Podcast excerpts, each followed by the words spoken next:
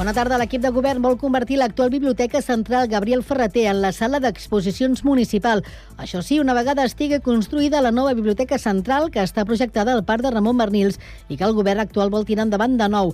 La Biblioteca Gabriel Ferreter ofereix un espai de 1.000 metres quadrats que permetria poder exposar part del Fons Municipal d'Art, amb prop de 600 obres, així com també mostres temporals. És dimarts 7 de novembre de 2023. També és notícia que l'Ajuntament ha acollit aquest dilluns la constitució del Consell de Joves de la ciutat, amb representació de membres d'11 centres educatius, els tallers de teatre La Unió i l'Escola Municipal de Música. Pels propers dos anys, tots ells tenen el compromís de reflexionar i proposar accions sobre l'ús del català entre el jovent i els trastorns de conducta alimentària. L'alcalde i president del Consell, Josep Maria Vallès, ha encoratjat els i les joves a millorar les polítiques de joventut amb les seves aportacions. L'òrgan tindrà greix Ballester de l'Àgora i Lucas Molero de l'Arnau Cadell com a sotspresident segon i tercer. En Comú Podem alerta que el cas de Nova Finca, que ha deixat de renovar el lloguer a desenes de veïns per començar a implementar el coliving, és a dir, el lloguer d'habitacions, es pot estendre com a pràctica per evitar la regulació dels preus. Tot i que la pràctica és legal, la coalició insta les administracions a regular-la i fer servir tots els instruments per limitar-la. Entre les seves propostes, desplegar inspeccions, revisar la concessió de llicències o introduir canvis urbanístics al PGM perquè requereixi de permisos similars a l'activitat com a pensió. A més, els comuns presenten al ple d'aquest novembre una moció perquè s'exigeixi des de Sant Cugat el desplegament de la llei estatal d'habitatge i la regulació dels preus de lloguer a les zones tensionades. Cinc de les grans fortunes de Catalunya són de Sant Cugat. Es tracta de Víctor Grífols, president d'honor de la farmacèutica Grífols, José Maria Serra Ferrer, accionista majoritari de Catalana Occident, Josefa i Assumpta Serra, accionistes de Catalana Occident, Núria Roura, accionista de Grífols, i Juan Planas, fundador i president de Fluidra. Això ho indica la llista de la revista Forbes, que també assenyala que Catalunya és la comunitat autònoma de l'estat espanyol que més en té. I no es perdin el reportatge íntegre del Cross Ciutat de Sant Cugat que viurà aquest diumenge la 25a edició, una festa consolidada de l'esport santcugatenc que reuneix més de 4.000 participants al Parc de la Pollancreda. Dic que no es perdin el reportatge íntegre que poden trobar a www.cugat.cat.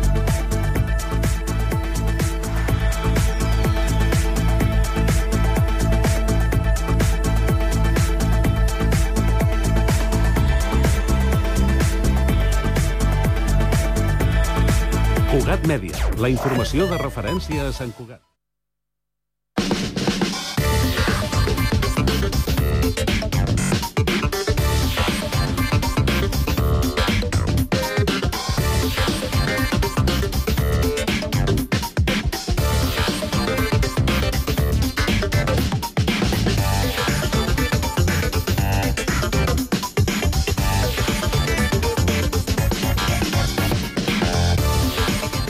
A les 5 i 3 de la tarda reprenem eh, l'inici de la segona i última hora d'aquest Connectats de dimarts. Ho fem amb la informació de servei i comencem pel trànsit per anunciar-vos que hi ha circulació amb congestió a la 2, a la demarcació de Barcelona, en el tram comprès entre Sant Joan d'Espí i Cornellà de Llobregat. També us expliquem que hi ha circulació intensa a la P7 eh, pel que fa mm, a la demarcació de, de Tarragona en sentit cap a Barcelona. Hi ha un carril tallat. Circulació també amb retencions a la B10, al tram comprès entre Barcelona i Sant Adrià de Besòs, en direcció cap al nus de la Trinitat. I a la B10 també circulació amb retencions exactament al nus de la Trinitat. De moment és tot, segons informa el Servei Català de Trànsit. Anem ara al Transmet per saber com està funcionant el transport públic. Ens informa Albert Garran. Bona tarda. Doncs eh, si bé hem començat el dimarts parlant de normalitat a la xarxa de transport públic de l'àrea metropolitana, des de fa una estona Rodalies ha notificat que la línia R4 hi ha afectacions al tram entre Vilafranca i Sant Vicenç de Calders, on el servei entre aquestes estacions s'efectua a hores d'ara per carretera. No destaquem cap altra alteració i es mantenen la resta de freqüències i horaris habituals tant als serveis ferroviaris com de bus. Recordem finalment que degut a les obres de desdoblament de la línia R3 i el tall produït entre Parets del Vallès i el Figaró, aquells usuaris afectats per aquest tram es recomana que consultin els serveis alternatius disponibles. Ara sí, de moment això és tot des del Transmet.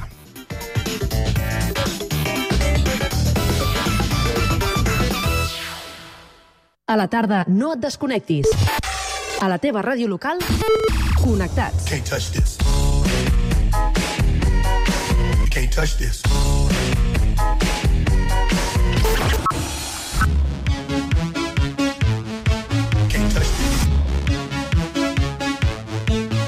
This. Connectats amb Carme Rebell.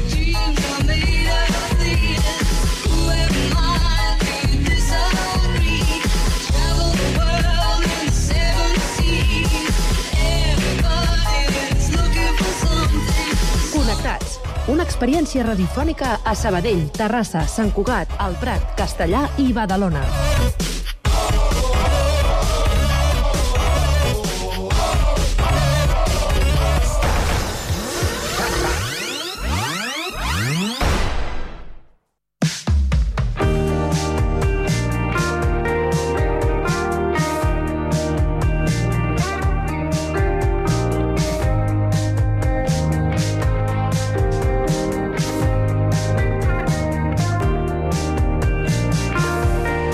Es va formar com a enginyer de telecomunicacions i estudiant aquesta carrera es va començar a interessar per la ciberseguretat, que és actualment la tasca que desenvolupa i des de fa molts anys. Avui passa pel Connectats el terrassenc Paco Sánchez. Paco, bona tarda. Hola, bona tarda. I també ens acompanya Sergi Estapé. Bona tarda. Hola, bona tarda. Bé, doncs avui parlem amb el Paco de la seva trajectòria personal i professional. Eh, no sé, Paco, què és el que et va treure de, de, del tema de les telecomunicacions per decidir-te a estudiar aquesta carrera? Doncs mira, jo de ben petit sempre m'havia agradat molt la, la tecnologia i sempre a casa pues, havia estat pues, remenant molts ordinadors i era pues, el típic nen que ho trastejava tot, eh, tocava la tele, tocava tot el que s'enxufava, pues, jo m'entretenia amb allò. I, i després ja pues, una mica quan vaig créixer pues, em vaig centrar més amb els PCs, amb els ordinadors. Vaig tenir un primer ordinador a l'any 82, un PCW, un Amstrad PCW 8256, i amb aquell, de pantalla negra i lletres verdes, pues, Sí. anava fent les meves, els meus primers pinitos. Déu-n'hi-do. Tu ets un manetes? Perdó? Que si ets un manetes. Bueno, sí, m'agrada, m'agrada. Mm, sobretot el que, tot és, és el que sigui tot tecnologia, això m'agrada. Eh, Posar-me a pintar al pis, no, no m'ho demanis, però si és tecnologia, sí. Bricolatge no. Bricolatge no. Eh, en qualsevol No. cas, eh, Paco, eh, no sé si tenies eh, una idea, si estaves ja enfocat a allò que t'hi volies eh, dedicar quan vas decidir estudiar aquesta carrera. Doncs eh, jo sabia que m'agradava molt la informàtica, després vaig eh, eh, entrar en el món de les comunicacions, les xarxes, les primeres xarxes que es muntaven de d'ordinadors a les empreses que anaven amb cable coaxial, i aquella part em va, em va cautivar bastant i llavors um, em vaig decidir per telecomunicacions perquè, perquè era un, un mixta entre informàtica i comunicacions i podia tocar els dos mons. Mm. El que passa és que després t'acabes dedicant al, al tema de la ciberseguretat. Com arribes aquí? Pues sí, eh, després de passar pel tema informàtica, comunicacions, em trobo amb que bueno, tot eh, s'havia de securitzar i em trobo en un altre, en un altre món, que és la ciberseguretat, que, que, que també toques altres mons, no? perquè has de saber eh, des de hardware, has de saber programació, has de saber eh, comunicacions, has de saber criptografia, has de saber moltes altres coses per entendre i, i poder treballar en el món de la ciberseguretat. I com que era un món que anava agafant més capes, doncs encara em va traure més. Uh, Paco, hola, què tal, com estàs? Uh, Hola, escolta'm una Sergi. cosa, què tal? Quan acabes, um, bueno, fas més aviat feines relacionades amb el que és més convencional de la informàtica, no? Sí, sí, vaig passar per Departament d'Informàtica des de l'aeroport de Barcelona, altres empreses d'informàtica més eh, integradors que treballaven doncs, per, per altres empreses i anava fent feina més d'IT mm, tradicional. Uh -huh. Fins que a l'any 2006, si no m'equivoco, amb, un, amb un soci, creeu eh, Neòtica. Què, què és Neòtica i d'on surt la idea? Pues sí, eh, en una d'aquestes empreses on eh, vaig estar treballant vaig conèixer el meu primer soci amb el que vaig muntar Neòtica. Ell estava, estàvem fent un projecte de telemetria, el que ara es coneix com a IoT. Ell estava en la part de hardware i jo estava en la part de comunicacions. Jo m'encarregava de, de pujar dades des de dispositius eh, mòbils fins a una base de dades que teníem en un servidor web, això fa molts anys, i, i allà ens vam conèixer, ens vam, vam detectar que ens enteníem bastant i que podíem ajuntar dos mons, el món del hardware i de programació més el món de les comunicacions i internet, i vam decidir muntar Neòtica, que era una empresa doncs, de serveis de, de comunicacions, d'infraestructures i de ciberseguretat. Això va ser el 2006. Mm -hmm. A poc a poc, per això, eh, tots aquests temes de programació els aneu aparcant una mica, no?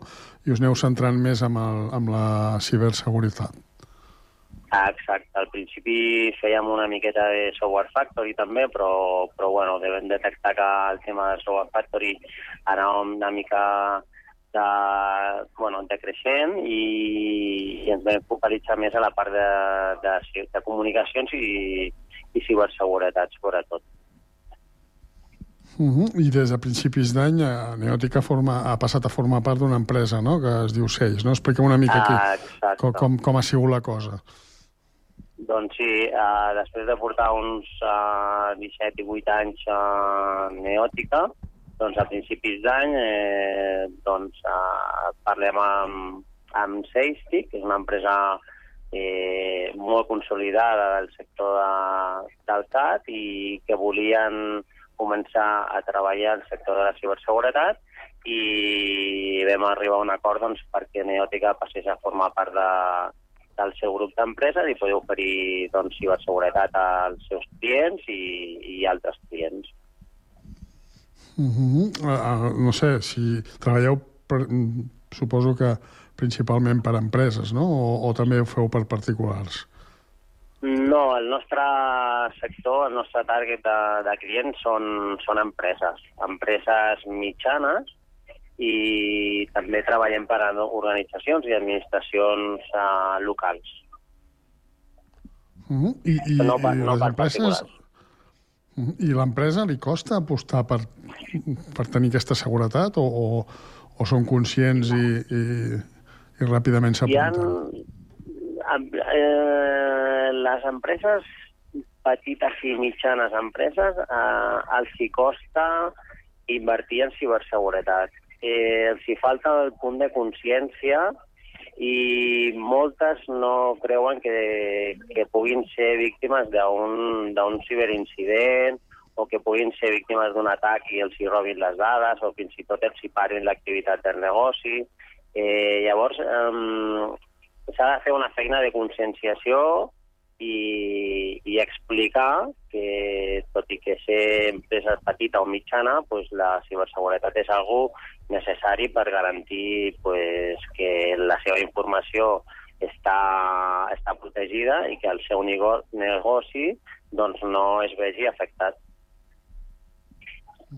Però de totes formes, en, en general, eh, ja no parlo només d'empresa, som, som prou conscients de, de que som vulnerables eh, per tota la xarxa o no ho som? No, no. Mm, des del meu punt de vista jo crec que les empreses no, no, no són prou conscients de que, de que són un... estan en el punt de mira dels cibercriminals perquè aquests van per davant de, de qualsevol empresa i saben que són un punt fàcil d'atacar perquè no tenen mesures de protecció i no estan ben protegides. Llavors són un, són un, punt, un punt fàcil. Uh -huh. De totes maneres, una de les, de les mm, no sé, de, de les, no sé si dir apostes, però sí que des de la vostra empresa creieu que és important és, és que, que els treballadors de les empreses aquestes estiguin formats en aquest camp, no? igual que es, que es formen amb, amb riscos laborals o amb altres, doncs que també estiguin preparats per, per, per, bueno, per intentar no, no rebre aquests atacs o, o totes aquestes problemàtiques que hi ha a través de la xarxa. Sí, sí, eh, per nosaltres la formació i la conscienciació dels treballadors és un punt clau. És un punt clau i bàsic i és un punt estratègic per on començar a desplegar ciberseguretat en una empresa. Eh, eh, pots invertir molts diners en, en sistemes, en aplicacions, en hardware, però si no tens els teus usuaris conscienciats, eh, servirà de poc tota aquesta inversió en tecnologia. Llavors és, és superimportant eh, començar a desplegar plans de formació i conscienciació entre els teus treballadors, perquè també és una manera de que l'empresa comenci a, a tenir cultura de ciberseguretat des del director general fins a l'últim treballador. Llavors, la part d'entrenar de, els usuaris és, és bàsica. Mm -hmm.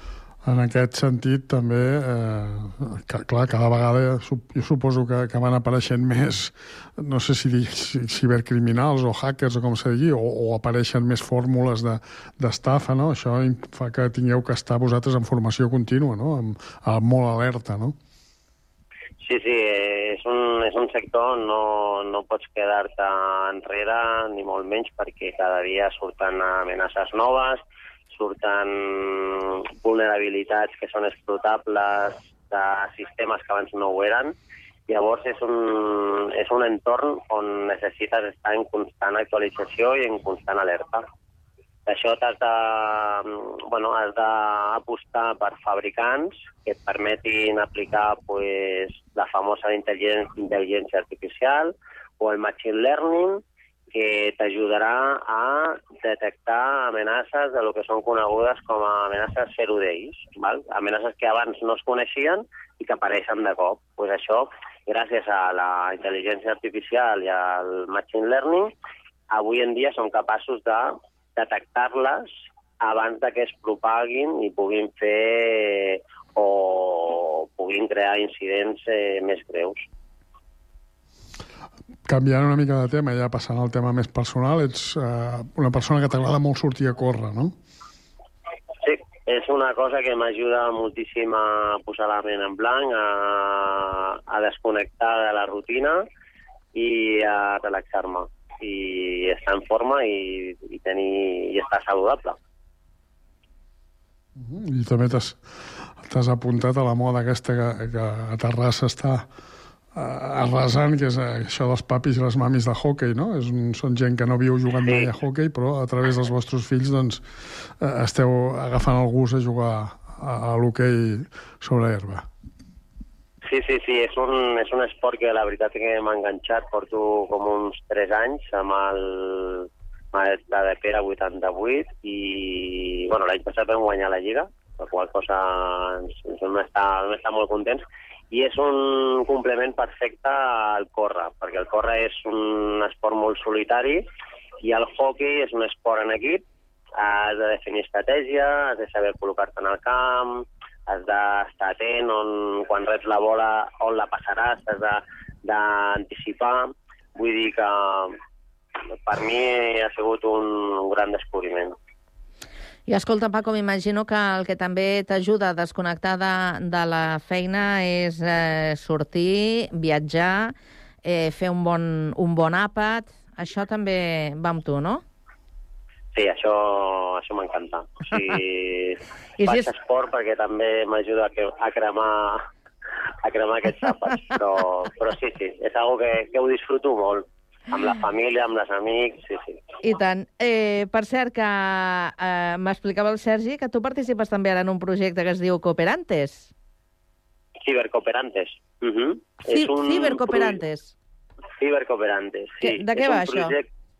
És un projecte a nivell personal eh, on voluntaris que ens agrada la tecnologia i la ciberseguretat doncs oferim xerrades a centres educatius, associacions, precisament per conscienciar de la necessitat de fer un ús responsable de la tecnologia i de i d'advertir dels riscos que hi ha pues, de fer un ús d'internet eh, sense, sense, sense tenir cura. I escolta, eh, li feu la competència als Mossos? Amb aquestes xerrades que també fan als instituts, o, o què? Bueno, són complementaris, Ah, són val. complementaris. Sí, sí, no, no, no ens trepitgem, eh? Vull dir, més ells s'im- imposen més, perquè van amb el traje i de més, vull dir que... que però no, no, jo crec que són xerrades de conscienciació que, que, que estan molt bé també per part dels Mossos i en qualsevol cas són, són complementàries. Molt bé. Doncs escolta, acabem aquesta conversa, aquesta entrevista avui al Connectats amb un tema musical que has triat i que ens hauràs d'explicar per què. Per què has escollit aquest tema? Digue'ns quin és. Pues és un tema perquè és d'un cantant terrassenc, del Litus, Mhm. i, i m'agrada molt, la veritat, perquè és un tema alegre, és un tema que convida a continuar treballant, que, continu, que, que convida a, a ser optimista, i la veritat és que m'agrada molt. Doncs escolta, el compartiment amb la resta de, de l'audiència. Que vagi molt bé, Paco. Una abraçada. Molt bé, gràcies. Adéu-siau, bona tarda. Adéu, Sergi, bona tarda. Adéu, Adéu. Sergi. Adéu. Adéu. amamos, suelta cuerda la ella. Carrerilla al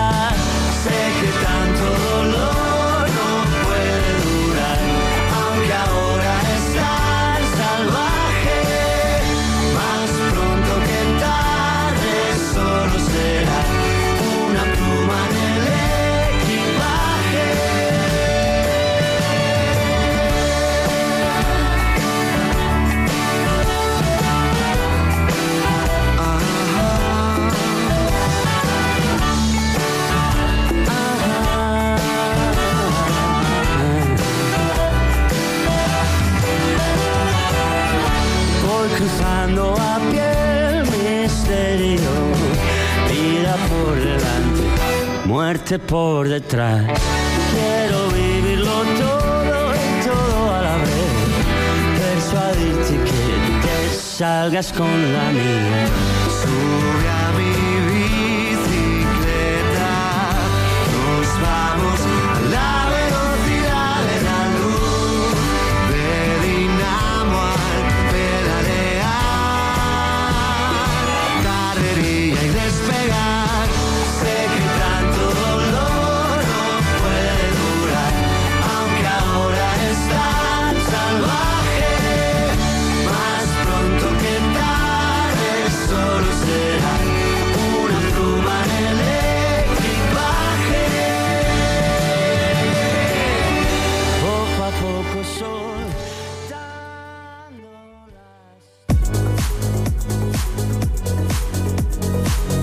Tarda, de 4 a 6, Connectats. Una experiència radiofònica a Sabadell, Terrassa, Sant Cugat, Castellà, El Prat i Badalona.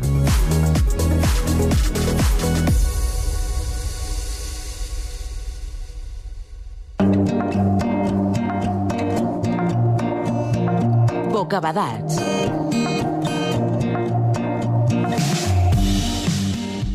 Aquest podcast és una producció de Ràdio Sabadell.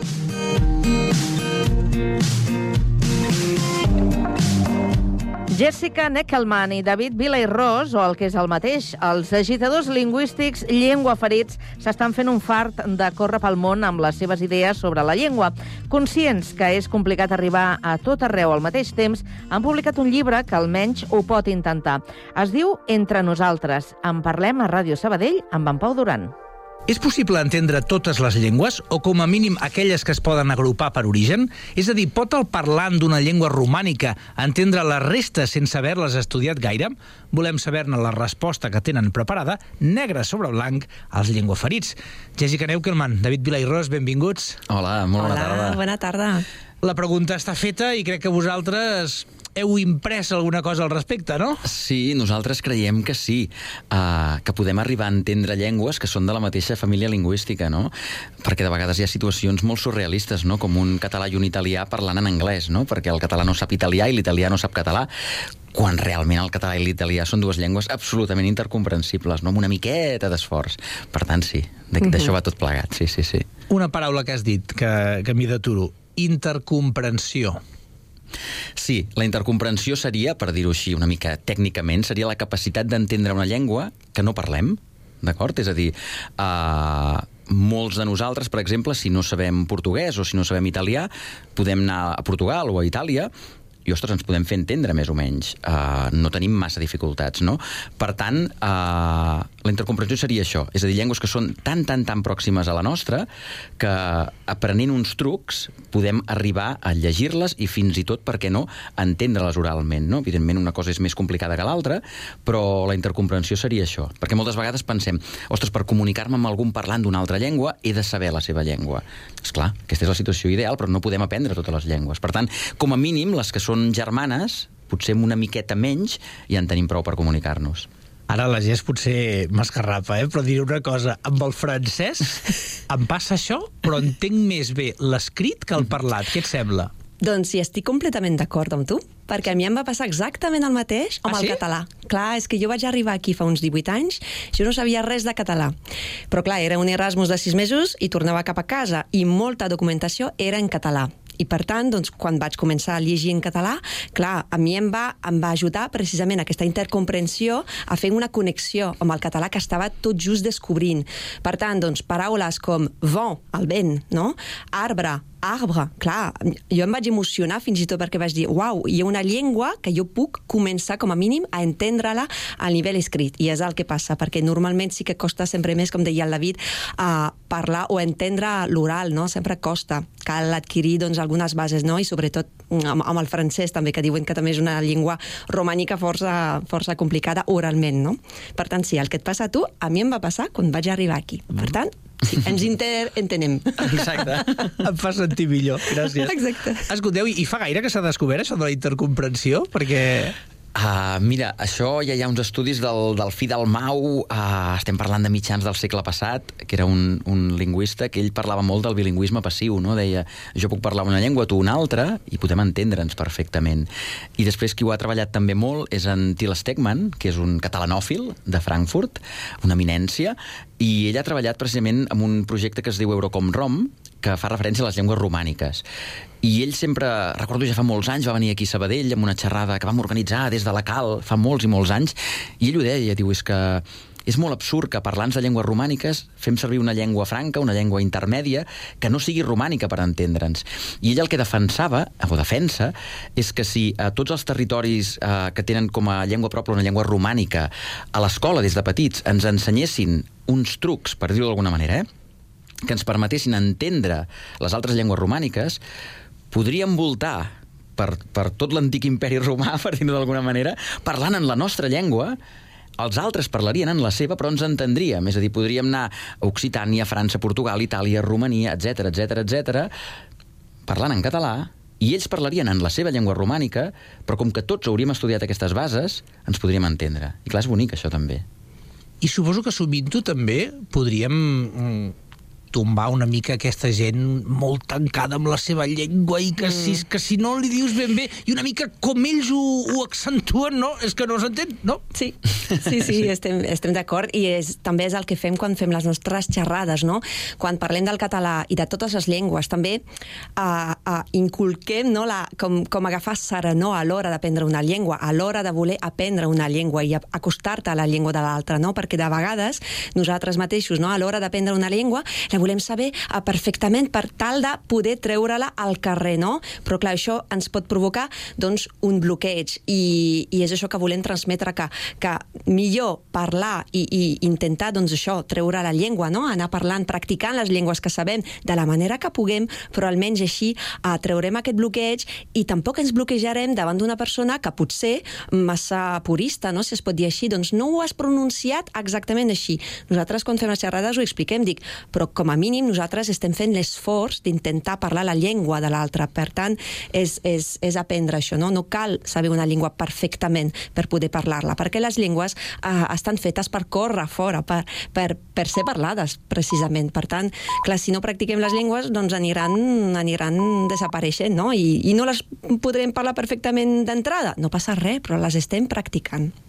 Això em recorda, sempre que surt una enquesta d'aquestes de- d'usos lingüístics, no? Sí. hi ha qui es posa ràpid les mans al cap, mm. recordo unes de fa anys que, eh, o sigui, el, els qui tenien interès a la que entenien alguna cosa, ja posaven que entenien aquella llengua nova, no? Clar. I els que volien, en canvi, això que deies del purisme aquest, de no, és que Mm. has de saber dir les neutres i el d'allò, deien que no en sabien res d'aquella llengua. Això passa, i és que, clar, de vegades les preguntes, quan ens les fan, les podem interpretar de moltes maneres, no? De, tu entens el català i, i de vegades et trobes gent que et diu no, i estàs parlant durant 10 minuts, no? I penses, home, per ser que no l'entens, déu nhi no?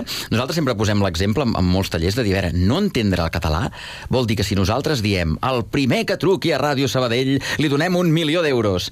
Creus que hi hauria gaire gent que es quedaria amb cara d'estaquirot escoltant la ràdio sense haver entès res? Home, uh, tenim molta més capacitat del que ens pensem Clar. per entendre els missatges claus en, Mm. aquella, en aquella llengua, no? És com aquell exercici que hi ha, que potser heu vist, d'agafar paraules, treure'ls unes quantes lletres, Mm. i ho llegeixes igualment. I dius, com pot ser si falten la meitat de les lletres i estic entenent el que diu, no? O canviar lletres per números, de vegades. I, i funciona. Per tant, la, la nostra capacitat de comprensió és molt més gran del que ens pensem. Una altra cosa és entendre-ho tot uh, fil per ran d'allò Mhm. amb absoluta perfecció. Home, no, clar, clar, ja ho sabem, això. Mm. Va, doncs amb tot aquest context tenim aquest petit cofre del tresor, que és el Entre nosaltres, editat per Sibilam Edicions. Què hi trobarem quan l'obrim? Doncs eh, es tracta d'un recull de contes del David, com ja ja sabeu que escriu contes per adults, i és un, us proposem doncs, un viatge entre les llengües romàniques, perquè clar, eh, tot queda entre nosaltres, que vol dir entre les llengües, perquè tots formem una família lingüística, no? que és la família de les llengües romàniques. Per tant, eh, primer de tot hi ha com un text no? del, del David i meu parlant eh, de, de diversitat lingüística i de la intercomprensió en català i en francès, perquè aquesta és la gràcia, no? també de combinar les llengües, i després doncs, són contes del David eh, traduït a, a 12 llengües eh, romàniques. Llavors és una tria, llavors hi ha un conte i després tenim la, la seva traducció. I fem també una, una petita mm, introducció de com, com està la llengua, quina llengua és. I són això, 12 llengües romàniques i al final hi ha com un assaig, com, un, com, un, com una part molt de reflexió i també de, de pràctica a l'aula per part d'un expert de la intercomprensió, que també ha col·laborat amb nosaltres, el, el Roger Fuster, que també que és professor i també doncs, expert en, en el- en l'àmbit no, de, de la intercomprensió. Llavors, considerem, sense així anar a comercials, però que el llibre és força complet perquè, clar, és, és, tens la part així de lectura, tens la part de reflexió i tens la part nostra de, de bogeria lingüística. Home, per la part de, de lectura, us haig de dir que el... Va, compré, van allò institut de dir, carai, si és que això del portuguès, uh, caram, ho, ho entenc perfectament, Clar. no? M'ha agafat la, la, la valentia, no?, de dir, és que me'n vaig al Brasil tranquil·lament, no? Al Brasil directament, ja. Sí, ja que ens sí, sí, fent ja, ja, allò. ja, clar. Ja, ja Per què vas per a. Portugal podent anar fins al. Brasil? No, no, no, i No? tant, i tant, Pau, sí, sí, sí. és cert, eh? Uh, nosaltres ara precisament estem, estem preparant un, un recital basat en, en el llibre i el que farem serà això, compartir els contes, però no només en català, sinó que en molts casos començarem per alguna altra llengua i veure els assistents que entenen, no? És un, una manera de tocar les llengües que ja l'hem practicat amb dos formats més de recitals que tenim, o tres, fins i tot, i, i ens agrada, no? Perquè sempre hi ha aquest bloqueig envers determinades llengües, no? Que penso, oh, això jo no ho entenc. Després ho dius i, ostres, a veure què passa, no? I, I la veritat és que és un exercici interessant, no? Nosaltres recomanem, per exemple, que qui tingui el llibre, doncs, evidentment pot agafar primer la versió en català del conte i després llegir-lo en una altra llengua i veurà que l'entén molt bé, però un cop hagi fet això uns quants cops, li recomanem que amb altres contes ja comenci al revés. És a dir, comenci per la versió traduïda i a veure què entenc del, de l'aragonès, a veure què entenc del romanès, a veure què entenc del sicilià i s'entenen moltes més coses de les que pensem. Mm. És a dir, que té aquest punt lúdic que Sí. sempre ens agrada a nosaltres, que és compaginar Uh, tot el que fem nosaltres sempre diem que és perquè la gent aprengui alguna cosa, alguna cosa que li cridi l'atenció, però que s'ho passi bé. Mm. I creiem que amb el llibre s'ho poden passar bé, també. I és com, també com una finestra cap a totes les llengües. Evidentment és una tria, perquè de lleng- llengües romàniques en tenen... Bueno, en tenim- unes quantes més, unes sí. quantes més. Mm. Però també és com ensenyar com tot, cada llengua compta, no? perquè cada llengua és una visió del món. Llavors, uh, importa tant una llengua molt parlada, si ho podem dir així, com una llengua amb pocs parlants. No? Llavors, és una manera per nosaltres, no? com a llengua feris, de fer un homenatge no? a, les, a les llengües del món i, i la seva visió intrínseca. No? I encomanar a la gent que les estudiï, al final, també. Mm. I us haig de dir que inclús aporta una certa satisfacció i orgull personal, saps? Perquè agafes qualsevol d'aquestes... Mira, això ho he entès, també, Clar. increïble. Jo que em pensava que no donava gaire, saps? Sí, sí. Pots actualitzar el currículum, no? Sí. Allò, llengües que entenc. Sí. Picard, Exacte. Sicilià, Sí, sí, sí. Escolteu, això que deia la Gés, d'aquest apartat al, a l'aprendre a comprendre'ns, que, el, mm. que ha estat escrit pel Roger Fuster. Fuster. Qui ho diria, no?, que amb aquestes pistetes eh, es pugui guanyar molt de camí ja. Mm. Sí, sí, sí, sí, realment. És clar, nosaltres volíem d'entrada fer una reflexió genèrica, després aportar els contes perquè la gent a la pràctica ho pogués fer, però ens interessava molt que el llibre pogués ser realment molt útil per treballar, per exemple, la intercomprensió a l'aula, Mm. en un institut o, o fins i tot per adults, no? I el Roger d'això en té molta experiència. Sí i ho ha fet ell amb, amb aules de, de secundària i, i per tant ens semblava una manera molt pedagògica, molt didàctica de transmetre-ho, no? de dir, mira, és que tu agafa un diari, no?, amb una altra llengua i, a veure què hi trobes, no? I comences a identificar paraules, no? Ell explica molts trucs, no?, per fer-ho, Mhm. però aquest és com interessant, no? D'agafes, ostres, tres o quatre paraules les he entès. Per tant, amb, amb aquestes tres o quatre paraules més o menys ja veig de què deu anar la notícia, no? I a partir d'aquí vas estirant, mm. i és molt interessant, és molt interessant. Nosaltres, de fet, hem après moltíssim sí. amb, aquest, amb aquest epíleg, amb aquest assaig. Mm. Llengua Ferits, moltes gràcies per venir a l'estudi del Connectats. Ai, Nosaltres gràcies. encantadíssims. Es fa Nosaltres... curt, eh? Es fa molt curt, Oh. sí, sí. Nosaltres ens quedaríem aquí uns quants dies més. Ho celebro. De fet, heu de saber que ens ha costat molt fer-los venir perquè fan moltíssimes coses, el. David Vila i Ros i la Jessica Neukelman, però ara en podeu gaudir amb aquest eh, Entre nosaltres, que teniu posat negre sobre blanc en aquest eh, llibre editat per Sibilam Edicions i que també compta amb les il·lustracions de la Sílvia Morilla.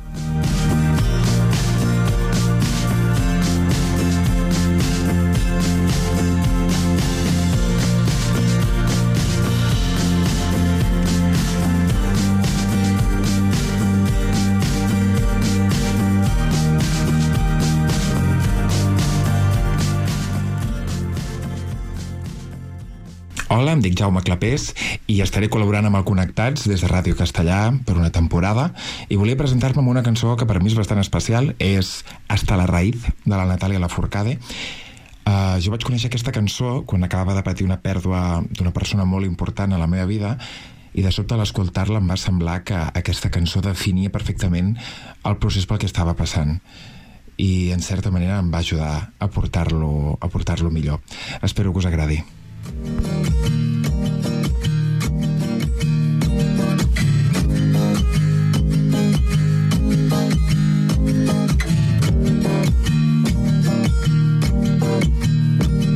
Sigo cruzando ríos, andando selvas, amando el sol. Cada día sigo sacando espinas de lo profundo del corazón. En la noche sigo encendiendo sueños para limpiar con el humo sagrado cada recuerdo. Cuando escriba tu nombre en la arena blanca con fondo azul, cuando mire el cielo en la forma cruel de una nube gris, aparezcas tú. Una tarde subo una alta loma, mira el pasado, sabrás que no te he.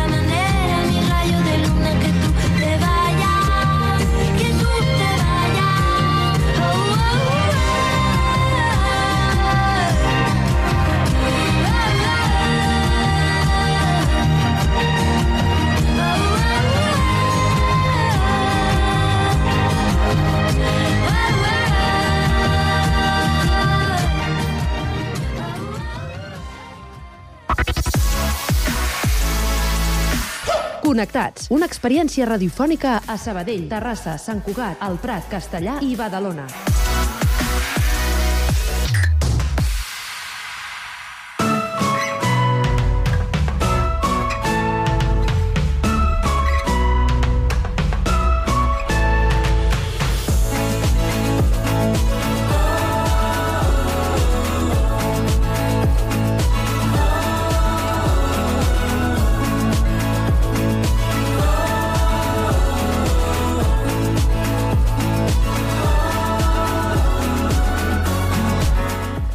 Enfilem ja l'últim tram d'aquest Connectats de dimarts i ara, dins del món de la cultura i en plena era digital, les històries interactives són cada cop més comunes. En el món dels videojocs fa anys que podem viure aventures amb finals diferents segons les nostres eleccions.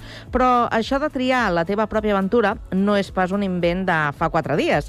Avui al Connectats eh, traiem la pols a les biblioteques més nostàlgiques parlant dels eh, llibrejocs. Ho fem parlant amb el pretenc Sergio Colomino, autor del llibre Tu eres el protagonista. Bona tarda. Hola, bona tarda. I al Prat també hi tenim el Víctor Asensio. Víctor, bona tarda. Bona tarda. Bé, doncs, eh, Sergio, al Connectats ja et coneixem, entre altres qüestions, perquè eh, sempre eh, hem parlat amb tu de, de projectes gairebé relacionats amb, el, amb Sherlock Holmes, no? Ara, ara mateix ens acabes de descol·locar una miqueta i ens sorprèn eh, amb aquest llibre que eh, està especialment eh, pensat en aquelles persones nascudes al voltant dels anys eh, 90, no? que guarden uns records meravellosos. Explica'ns com decideixes de fer aquest llibre. Doncs mira, és com una espècie de deute que jo tenia, perquè, com tu has dit, doncs jo bueno, tinc una, una trajectòria sobretot centrada en el personatge de Sherlock Holmes, que he fet diverses obres, i sempre que tenia reunions amb altres autors, eh, sempre els referents que deien mai parlaven dels llibres que llegies quan eres petit, quan mm. eres un nano. I jo sempre ho he dit, jo, si sóc escriptors, per triar la teva aventura, o elige tu pròpia aventura, com, com es deia en castellà, que era aquesta sèrie que t'oferia l'oportunitat de ser, primer de tot, el protagonista i després de que tu arribessis a un dels finals que, que t'oferien. I és una espècie de, bueno, de deute que jo tenia d'una col·lecció que tothom coneix però ningú havia investigat i, bueno, diguem que vaig decidir fer l'estudi jo, jo mateix. Mm -hmm, molt bé. Eh, jo volia dir, Sergio, que quan he vist el llibre, que el tenim aquí a la ràdio, evidentment per llegir-me'l i preparar aquesta entrevista, una de les coses que més m'han cridat l'atenció eh, és aquest format del llibre. La portada és imita o és pràcticament igual a aquelles originals del Tria la teva aventura, amb aquest format vermell, amb les lletres, amb el dibuix eh, típic que il·lustrava l'aventura que després eh, et trobaries a dins. Imagino que aquesta portada està molt buscada per cridar l'atenció i despertar aquesta nostàlgia en el lector. Sí, evidentment, i de fet et puc dir que va ser una de les primeres coses que vam tenir clares com havia de ser la portada, havia de ser un, un homenatge i sobretot perquè el record que tots tenim són aquells llibres vermells que trobaves a les llibreries i que cridaven tant l'atenció i aquelles portades que et deien mm, aquell llibre me l'haig d'endur a casa, no? una de les coses que tenia el, el Tria la teva aventura. I a més, eh, eh, fullejant eh, aquest llibre, ara, ara en parlem, eh, que, on, on fas desgranes pràcticament llibre per llibre eh, el que trobarem, no? si, si el tenim a les nostres mans, m'ha començat a venir la nostàlgia de molts d'aquells llibres que sí que m'havia llegit, alguns que deia, ostres, aquest no el conec, però aquest sí, aquest sí que me'l vaig llegir, i aquí em va passar això i me'n recordo, i aquella història em va quedar marcada. No sé si has decidit una mica recuperar també això per, pel punt aquest de que s'ha de fomentar la lectura i aquesta era una de les formes més importants i més lògiques de fomentar la lectura i és que la persona que estudiés, que llegís aquest llibre, el, el jove que estigués llegint aquest llibre, eh, s'hi sentís identificat al 100%. Totalment, era un dels al·licients i jo afegiria una altra cosa que tenia aquesta col·lecció i és la varietat de gèneres que tenia, perquè tenia ciència-ficció, tenies terror, tenies eh, misteri, tenies aventures espacials, qualsevol tipus de història que et pogués agradar, segur que hi havia un llibre de eh, Tria la teva aventura que fos per tu. Per la gent que es compri el llibre, que el vulgui conèixer, que vulgui conèixer més històries sobre el Tria la teva aventura, com l'has estructurat? Què és el que trobarem? Bueno, el que trobareu és una petita història del que és la col·lecció, de com va sorgir a Amèrica, com va arribar fins aquí, les diverses sèries que van sortir, que teníem la Tria la teva aventura, però després teníem sèries paral·leles i altres llibrejocs d'altres eh, editorials, i un comentari, llibre per llibre, comentari que haig de dir que no és un catàleg, és a dir, no és donar el títol als autors i als il·lustradors i ja està, sinó que el que faig és analitzar els llibres, trobar les seves referències, és a dir, si es basen en altres llibres de- d'altres autors, i fins i tot doncs, si hi ha relació entre els llibres, perquè hi havia petites sagues fins i tot a, a la sèrie, Mhm. històries que començaven a un llibre i continuaven a l'altre. Precisament el que et volia preguntar és, clar, t'has hagut de llegir tots els llibres i com a més expliques alguna cosa dels finals, eh, tot i que no fas spoilers, eh, eh t'has hagut de llegir algun dels finals importants, no? Bueno, puc dir que m'he llegit tots els llibres, absolutament tots, de, sobretot de la sèrie mare, de Tria la teva aventura, i evidentment amb tots els finals. Vull dir, els que tenien 15 finals, que hi havia alguns, doncs tots, els que tenien fins i tot 40, doncs també tots els finals. Totes les conclusions me les he llegides, totes les eh, decisions les he pres, i bueno, puc dir que eh, he agafat en global tota la sèrie. Hi ha algun d'aquestes històries, d'aquests llibres del Tria la teva aventura, que realment recordessis amb una estima personal i quan has fet el llibre fins i tot eh, t'ha acabat agradant més? Home, un que jo li tenia molta estima i de fet es fa un gran homenatge a la, a la portada de Tu és el protagonista era L'express dels vampirs, perquè va ser un llibre que em va costar molt trobar-lo en el seu moment i després un que m'agrada molt, que és un, rel- un relat detectivès que crec que està molt bé, era el de qui va matar eh, H. Thrombey, que trobo que bueno, i fins i tot per un públic adult. Doncs explica'm una mica això dels llibres jocs per qui no els conegui. La gent jove potser encara no sap què són, potser els més grans no els van arribar a veure, eh, però què són això dels llibres jocs? Bueno, jo defineixo els llibrejocs sobretot com eh, llibres eh, escrits en segona persona. És a dir, tens un narrador que el que fa és dirigir-se a tu mateix, que ets el protagonista i ets la persona que va prenent les decisions que aniran desenvolupant la història. És a dir, doncs, què vols fer? Vols pujar aquest cotxe o vols continuar caminant? Vols ajudar aquesta persona o vols tornar a casa? Vols la, la porta de l'esquerra o la de la dreta? I al final, a base d'anar prendre prenent decisions, doncs arribes a un final que pot ser bo, pot ser regular o pot ser un autèntic desastre. Però bueno, ets tu realment qui va creant la història amb les decisions que vas prenent.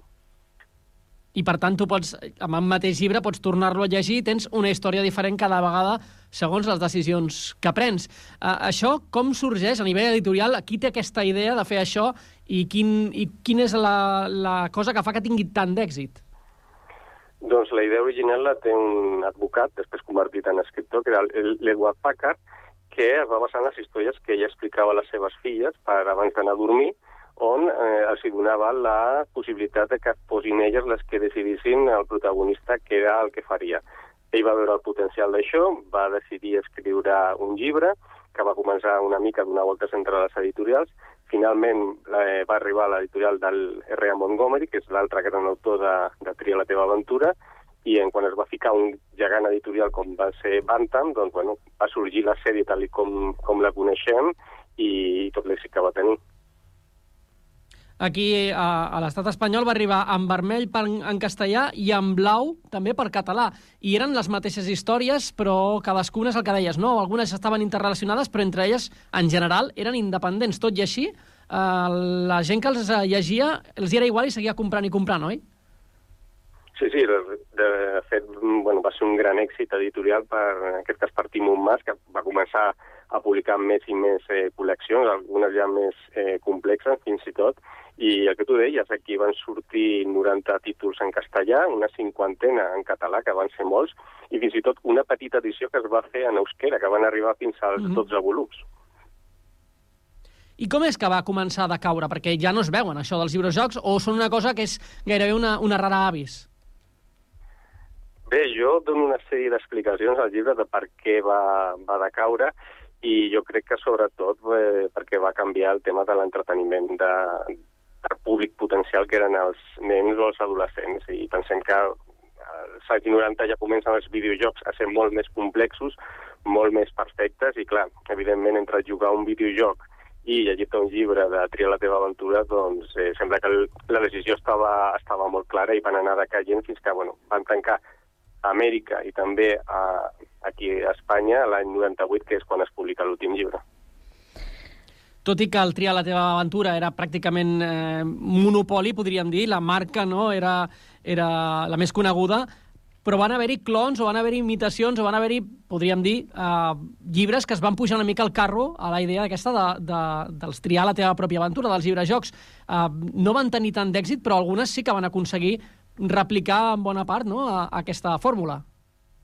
Sí, hi ha mol- moltes editorials que, com tu deies, es van pujar una mica al carro. Doncs tenim, per exemple, La màquina del tiempo, eh, Planea tu fuga. Abans que parlàvem de Sherlock Holmes, hi va haver una sèrie de llibrejocs també del, del personatge de, de Sherlock Holmes i fins i tot aquí a Espanya doncs, vam tenir producció pròpia. Eh, va sortir, per exemple, una sèrie ja dirigida a adults que estava eh, encapçalada per l'Andreu Martín, que bueno, centrada sobretot en el gènere negre, però sí, l'èxit va ser, va ser descomunal i va fer això que hi hagués un interès també d'altres cellers editorials. Jo, Sergio, com a autor et volia preguntar si tu et veuries en cor de fer una, un llibre d'aquestes característiques, perquè imagino que no deu ser fàcil ja fer una novel·la o una, una novel·la gràfica o alguna història sobre uh, uns personatges amb un, amb un relat com per haver d'estar pensant en tots els relats possibles i tots els finals possibles. No sé si tu alguna vegada t'atreviries a fer això. Bueno, he fet algun intent, però jo també entenc, per exemple, els eh, autors més seriosos, entre, entre cometes, no? que no els agradi això, perquè, clar, pots fer un llibre que el lector finalment es llegeix un 20 o un 25%, no? i el, el que vol és que realment es llegeixi, es llegeixi tot el llibre. Eh, és una cosa que la tinc en ment i no descarto de, de cara al, al futur, però evidentment sí, és complexa perquè has de mantenir una unitat i has de mantenir també el que seria l'interès d'un lector que finalment el que vols és que es llegeixi tot el llibre, que, que passi per tots els finals, en definitiva. Sergio, precisament aquesta última pregunta que t'ha fet eh, el, el company, eh, en Víctor, eh, és el que m'estava rondant pel cap. Dic, després de parlar tant de Sherlock Holmes i ara iniciar aquesta nova aventura, no sé si això et podia obrir la porta doncs, a un nou, un nou camí per, per explorar. Però com que ja has contestat, et preguntaré que eh, aquest eh, nou llibre, eh, a banda de ser un llibre que està pensat per a aquelles persones de, de la dècada de, de nascudes a la dècada dels 90, eh, diries que, que pot servir per qualsevol tipus de públic, és a dir, un públic que, que, que li vingui de gust eh, totes aquestes històries i aquesta manera diferent de, de fer? Jo crec que sí, perquè a més el tema de la interacció, que és una cosa que parlàveu abans, de, dels videojocs, de, fins i tot doncs, tenim sèries de, avui dia de, de Netflix, no? que es basen en això, en que el, sigui el propi espectador que pugui anar creant la- l'aventura. jo crec que és una manera de conèixer una mica els, els orígens i en un format doncs, tan còmode com, com és el llibre. Mm. Però, per exemple, ara que parlaves de, de Netflix, eh, en el format, podríem dir, de, de televisiu, el que veiem en, en pantalla, eh, de moment els resultats tampoc no estan sent tan bons, no? No, perquè la qüestió és que, clar, el, el format televisió, el format audiovisual doncs, també té les seves carències, que, per exemple, en aquest sentit jo crec que el, el llibre els, el supera, doncs, que pots tenir un escen uns escenaris doncs, molt més complexos. Jo ho definiria, crec que va haver un autor que sembla que va ser l'Àlex de la Iglesia, que va fer un projecte semblant, i sobretot el que em va agradar és quan ell ho va haver de vendre, quan ell ho va haver de definir, va dir, això, això és com un elige tu pròpia aventura. I em va agradar molt, perquè sembla que això, elige tu pròpia aventura, o el tria la teva aventura, com es deia en català, és un gènere. Vull dir, tu ho dius i tothom sap exactament a què, a què es refereix. I finalment hi ha una col·lecció que ha donat nom a tota una manera de, de fer ficció interactiva. Uh -huh. Hem de dir que el llibre ja eh, es pot trobar a les eh, llibreries, que ja està a la venda. No sé si has fet eh, presentació. Fet ja unes quantes, vam estar a Saragossa, hem estat també a, a Barcelona, fins i tot al Festival de Cinema de Sitges, i res, fa un parell de setmanes vam estar també a Madrid eh, fent la presentació. Algun volum. input? Algun input t'ha arribat?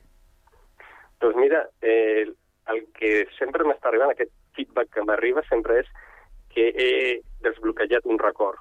Tothom em ve i em diu, escolta, jo tenia aquests llibres, els havia oblidat completament i mira, he tornat a casa dels meus pares i tenia quatre o cinc, me'ls he tornat a llegir, eh, he recordat com m'agradaven i, i això és una cosa que, bueno, que, que a mi m'agrada, no? que la gent em digui doncs, que els he fet recordar una, una cosa que ja havien oblidat.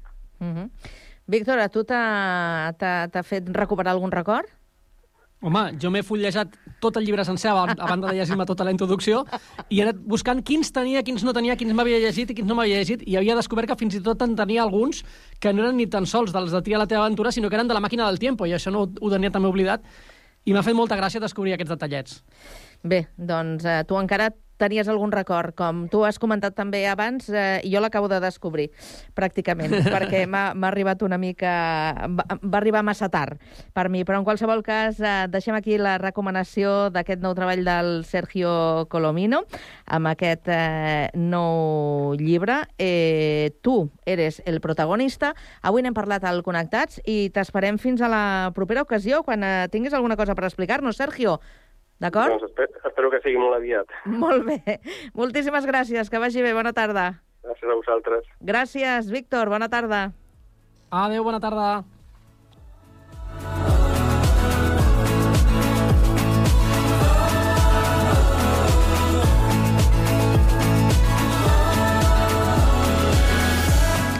Punt final, aquest Connectats de dimarts. Marxem, però demà tornarem, com sempre, puntuals a la nostra cita amb vosaltres a partir de les 4 i 3 minuts. Fins aleshores, acabeu de passar molt bona tarda.